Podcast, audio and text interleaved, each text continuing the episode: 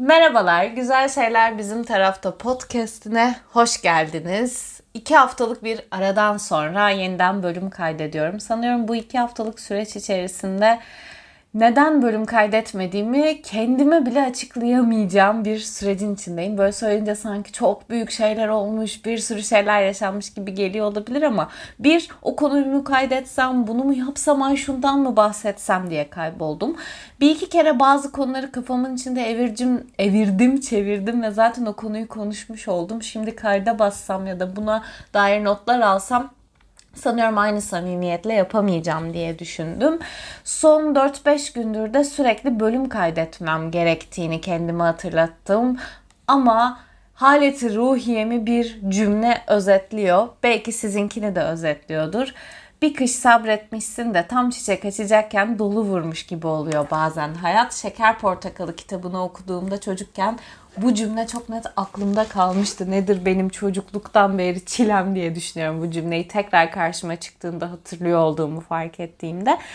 Bazen böyle bir döneme giriyor insan. Tam bir şeyleri değiştirmeye, dönüştürmeye, hayatıyla ilgili güzel kararlar almaya, güzel adımlar atmaya başladığında ve her şey yolunda gidiyormuş ve sen elinden geleni yaptığın için hayat tarafından ödüllendiriliyormuşsun gibi ya da işte ödül ceza sistemi olmak zorunda değil. Yaptıklarının bu dünyada bir karşılığını buluyormuşsun gibi hissettiğin anlarda bir anda bir dolu başlıyor. Bir anda olumsuz cevaplar, olumsuz dönüşler, bir sürü şey yaşıyor ve hissediyorsun. Ben de çok istediğim bir işle alakalı bir olumsuz dönüş aldım. Bu tam bir oyunculuk işi değildi ama sanatla çok alakalı bir işti ve beni çok motive eden bir tarafıyla alakalıydı. Yaratıcılığımı ve bence var olma amaçlarımdan biri olan mutlaka sanata dair bir şeylerin her tarafında olabilme kısmımı çok tetikleyecekti.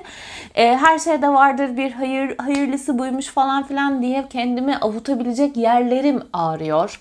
Yani gerçekten artık e, o konuda kendini pembe illüzyonların içerisine sokabilecek biri olamıyorum. Gerçekçilik benim hayattaki en güçlü kendimle ilgili en değişmesini istemeyeceğim özelliklerimden biriyken aynı zamanda da en değişmesi gereken özelliklerimden biri. Çünkü bir büyüktür sıfırdan hayatta. Hayatı matematiksel değerlere, kazandıklarıma, kaybettiklerime göre ölçmek istemiyorum. Hislerime göre, arzularıma göre, daha önce de uzun uzun anlattığım gibi keyfime, hazzıma, neşeme göre ölçmek istiyorum ama maalesef hayatın gerçekçilik tarafı da tetikleyen halleri var. E, bunun başıma geldiği anda yetersizlikten ziyade daha çok abi ne oluyor? Yani ben şu an yaşadığım ve içine sıkıştığım şeyden çok sıkıldım. Bunu değiştirmek için ne yapmam gerekiyor? Ben bir çıkar yolu bulamıyor muyum? İşte o çaresizseniz çaresizsiniz falan moduna gelecek. Benim ne yapmam gerekiyor lan? Ben niye burada sıkıştım? Hissin içinde bunalmış durumdayım. E, bu tabii ki işte uzun uzun her bölümde bahsettiğim oyunculuğun işte başka bir iş gerektirmesi, hayatta tutunmayı zorlaştırması gibi bir sürü şey tarafı olduğu kadar kendinizi şanssız hissedeceğiniz, işte ne bileyim çirkin hissedeceğiniz, aptal hissedeceğiniz bir sürü şeye sebep oluyor hayat. Bunu sadece bana ya da bunu sadece oyunculara, sadece sanatçılara falan yapmıyor. Herkese yapıyor. Çünkü Yakın çevremde de hatta erkek arkadaşımda da yaşadık yakın zamanda. Ama şuna imreniyorum. Mesela o bir iş yerinde çalıştı. Bir deneme süreci geçirdi. Ve o deneme süreci karşılıklı onlar için uyuşmadı. Ve o işten ayrıldı. Cuma ayrıldı. Pazartesi şimdi başka bir işe başladı ama hissim benim onun adına dahi bunu nasıl başaramadığını düşünmüyor. Ya da bazen Instagram'da benimle benzer hayat yaşayan ya da benim gibi sıkışmışlıkları olduğunu bildiğim insanların aşırı mutlu hallerini gördüğümde ki bu şov olmamasa da ya sen nasıl mutlu olabiliyorsun bu elindekilerle diye kendim ona kızdığım, onu algılamaya çalıştığım ve buradan da aslında kendimdeki o yetersizlik hissini gördüğüm süreçler geçiriyorum. Ee, bir yandan da bugüne kadar hani bunu Instagram'da hiç paylaşmadım. Burayı dinleyenler duyacaktır. Bir de yakın çevrem biliyor evlenme teklifi aldım. Cümlenin bu hali bence tuhaf. Evlenmeye karar verdik diyeyim. Bununla ilgili de karar vermem gereken, adım atmam gereken bir sürü şey oluyor. İşte nişan yapacak mısın? İsteme ayrımı olacak. İşte nişan nerede olacak? Ne giyeceksin? Ne takılacak? E, nişan bohçası ya da gelin bohçası, damat bohçası yapılacak mı gibi e, bir sürü ayrıntı işte aileler ne zaman görüşecek, o ne zaman olacak, bu ne zaman olacak gibi karar vermem gereken, takvime oturtmam gereken ve cevapları sadece bende olan ve benim de aşırı heveslisi olmadığım bir konunun da içindeyim. Dolayısıyla da kendimi böyle Candan Erçetin şarkısındaki gibi hissediyorum. Kırık kalpler durağında inecek var diye böyle. Baya artık yani kırık kalpler durağından kalkıp gidecek var benim için. Kalbim kırık. Eee sıkışmış hissediyorum en net olarak. Böyle hayatımın rutinindeki her şey şükürler olsun çok yerinde ve çok güzel gidiyor. 3 yılı devirmek üzere olan bir ilişkinin içerisindeyim ve bu ilişkiyi çok seviyorum. Kendimi bu ilişkide çok seviyorum. Erkek arkadaşımı bu ilişkide çok seviyorum. Bana çok şey katan bir ilişki. Kendimi güvende ve huzurla hissediyorum, seviliyorum, seviyorum, sevgi vermeyi öğrendim, küsmeyi, barışmayı bir sürü şey öğrendim. Şükürler olsun ailemde bir sağlık problemi yaşayan kimse yok. Herkesin sağlığı, saati, işi, gücü yerinde.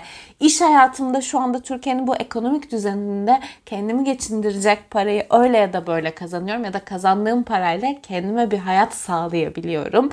Ee, bunlar var ama evet şu an istediğim gibi bir projenin içinde oynamıyorum. Bence ben mesela bir şeyler nasıl yazıp onları gerçekleştiremedim. Bu da bana bir şey hissettirmeye başladı. Çünkü yazılan dizileri, satılan senaryoları gördükçe gerçekten sinirleniyorum. Çünkü aptal aptal kötü kötü diyalog yazan insanlar bunları arkasında durup insanlarla paylaştığı için bir şekilde o hayallerindeki işi yapıyorlar. Ben bir hayal kurmayı dahi unuttuğumu fark ediyorum ben kendi yeteneklerine, kendi becerisine, zekasına ihanet eden biri olmayı asla istemiyorum. Kendimi farkındayım. Kendimi küçümsemeyeceğim. Çevremdeki bir sürü insandan çok daha akıllı, zeki, kültürlü, yetenekli, becerikli, daha disiplinli, daha kalbi temiz, daha insanlara yardım eden biri olduğumun da çok farkındayım. Bu özelliklerimi kendime hatırlattıkça bazen bu kadar hatırlatmanın da olumsuz bir tarafıyla karşılaşabiliyoruz. Ee, bazen lan benden oyuncu olmayacak mı? Ben yeteri kadar yetenekli ve becerikli değil miyim acaba? Neden bunu yapamıyorum? Sadece eğitmenlikte, yazarlıkta, yönetmenlikte bu işin arka tarafında mı iyiyim diye kendini dövdüğü zamanlar da oluyor e, insanların. Bazı hadsiz ve yeteneksizlerin tembellik edip ya oyunculuk zaten falan dediğine şahit oldukça sinirim bozuluyor. İşimi kutsal falan görmüyorum. Öyle çıkıp da işte e, gidip de oyunculuk kutsalını TikTok'ta e, insanlara karşılaşmak falan filan diyecek biri değilim. Dünyada herkes oyunculuk yapıyor.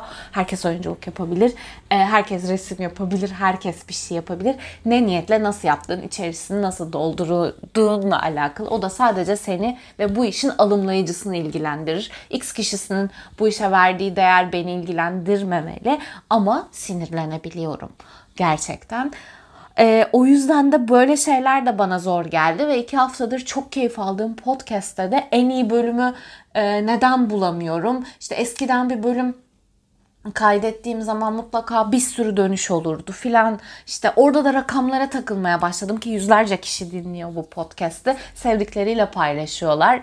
Siz de seviyorsanız lütfen paylaşın birileriyle. Bir anda neden bu istediğim oranda büyümüyor filan diye oraya dönüşmeye başladım. Halbuki ben yapmayı ve gerçekleştirmeyi mi istiyorum yoksa bunun sadece rakamlarla başkalarının gözünde değerlendirilmesini mi ki başkaları değil burada benim değerlendirmemi mi istiyorum. Buralarda da soru işaretleriyle yaşıyorum. Bir yandan da arkadaşlık ilişkilerimle ilgili çok radikal biriyimdir. Ben çok fedakar bir arkadaşımdır. Hatta yine şeker portakalından örnek vereyim. Bir cümleyle fazla fedakarlık fazla vefasızlık getirir cümlesinin vücut bulmuş haliyim. Yani arkadaşlarımın düğünlerinde, iş süreçlerinde, aile problemlerinde, parasızlıklarında sadece men- mental çöküşlerinde yeteri kadar onların yanında olmak için çok fazla uğraşan biriyimdir. Ya da hiçbir şey yapamıyorsam iyi misin, nasılsın, e, her şey yolunda mı diye sormayı alışkanlık haline getiririm. Hatta çok yakın arkadaşlarımdan Rana şey der.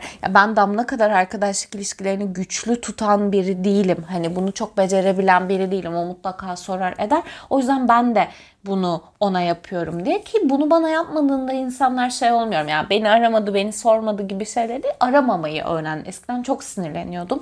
Benim de aylarca yıllarca görüşmediğim ama sonra karşılaştığımda o sıcaklıkta devam ettiğim zibilyon arkadaşım var ama bu kadar yanlarında olduğum insanların burada hiçbir yerde kötüyüm demedim. Zaten kötü de değilim bu arada. Yani akşamları voleybol maçı izliyorum ve aşırı keyif alıyorum. İşte bol bol arkadaşlarımla görüşüyorum. Yaz güzel, yaz dünyanın en güzel mevsimi. 10 gün sonra Antalya'ya gideceğim ve kendimi turşu gibi suyun içine basacağım. Hayattan o kadar böyle ağlıyorum, mutsuzum gibi bir yerde değilim ama şunu fark ettim. Benim en yakın arkadaşım Belçika'ya taşındı. Ee, Furkan.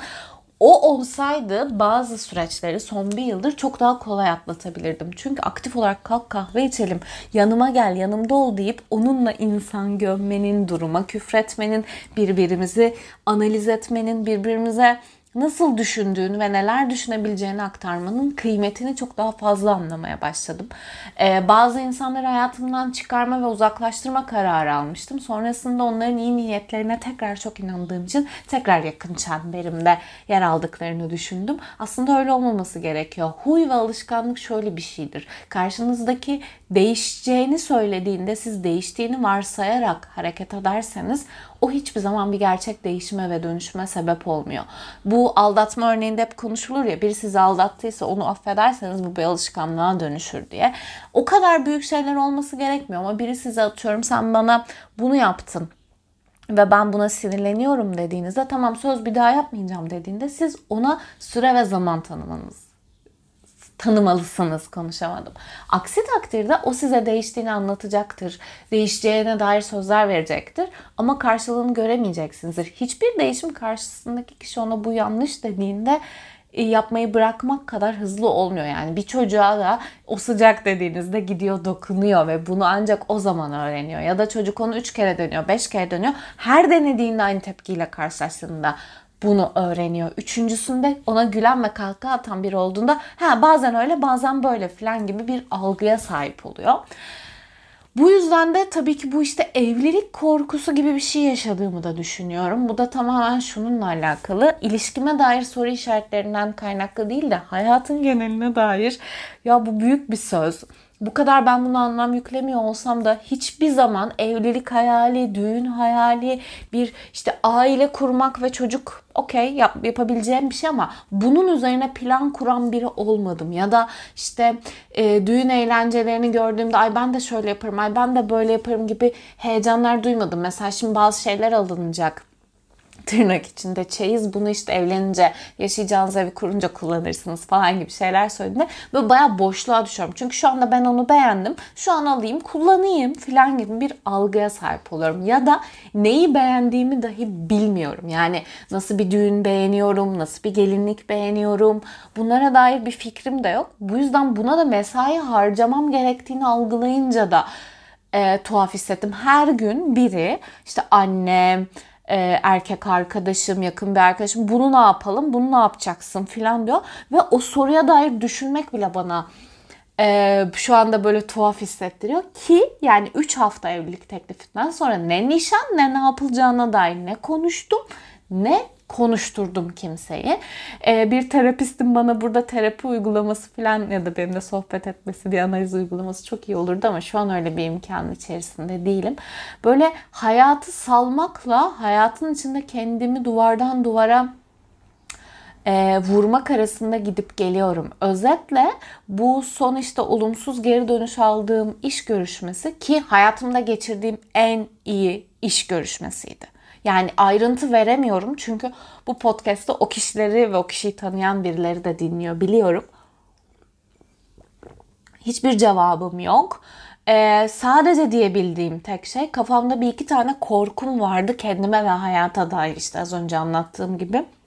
Böyle şeyler yaşadığım için mi?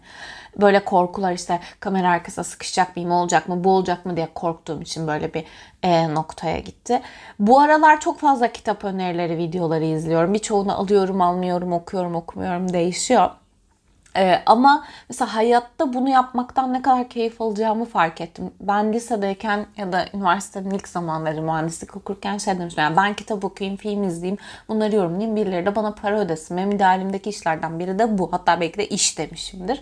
Halbuki benim hep hayalindeki iş oyunculukken e, aslında bunu yapan ve bundan para kazanabilecek biriyken bunu bir türlü işe dönüştüremedim. Burada benim iradesizliğim, disiplinsizliğim, şanssızlığım, bıdı bıdısızlığım, onsuzluğum, bunsuzluğum olduğu kadar bununla ilgili galiba e, bakış açım da problemli. Bunu hep küçük gördüm. Daha doğrusu işte bunları hep bir şeyleri küçük görüyoruz ya kendimize layık görmediğimiz bir sürü iş var. Geçenlerde yakın bir arkadaşım iş arıyordu ve o kadar başka işlere bile okey bunu da yaparım onu da yaparım diye baktı ki sonra dedim ki evet ya yani bizi yaptığımız iş iş yapmıyor ya da yapamadığımız iş bizi iş yapmıyor. Ee, bu kadar kalbi açık anlattığım bir bölümü yayınlayacak olmak bile şu anda zihnimin arka tarafında bir sürü şey döndürüyor.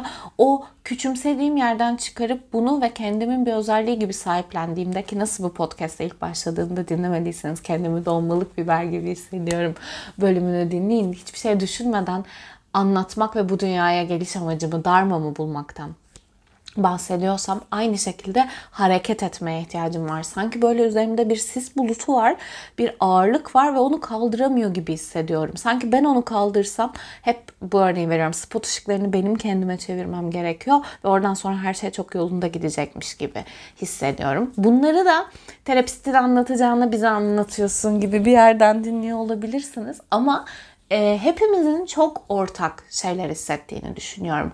Dünya üzerindeki en zengin insanla en fakir insanın hissettiği sevgisizlik hissi birebir aynı. Bununla mücadele etme biçimleri sahip oldukları olanaklar sebebiyle değişiyor olabilir ama hissettikleri yerler, onlarda dokunduğu şey aynı. Bunu hissetme sebepleri de değişecektir sosyal sınıf sebebiyle hayat maalesef böyle. Bu dünya böyle. Ama bunun e, hissi değişmiyor. Başarı hissi gibi, aşk hissi gibi, nefret gibi, öfke gibi şeylerde e, hislerimiz ortak. Çok yaygın, benzer şeyler hissediyoruz. Kendimi bu arada ne kadar değiştirdiğimi fark ettim. Eskiden böyle hissettiğim herkese anlatmak, bunu herkesle paylaşmak, e, ağlamak, zırlamak ve kendimi acındırmak. Çünkü kendime acıdığım yerler oluyordu gibi şeyler yaşıyordum. Şu an mesela kendime acımıyorum. E, kendime kızıyor olabilirim. Bu bir gerçeklik ama kendimde de o gücü bulmam gerektiğini görebiliyorum.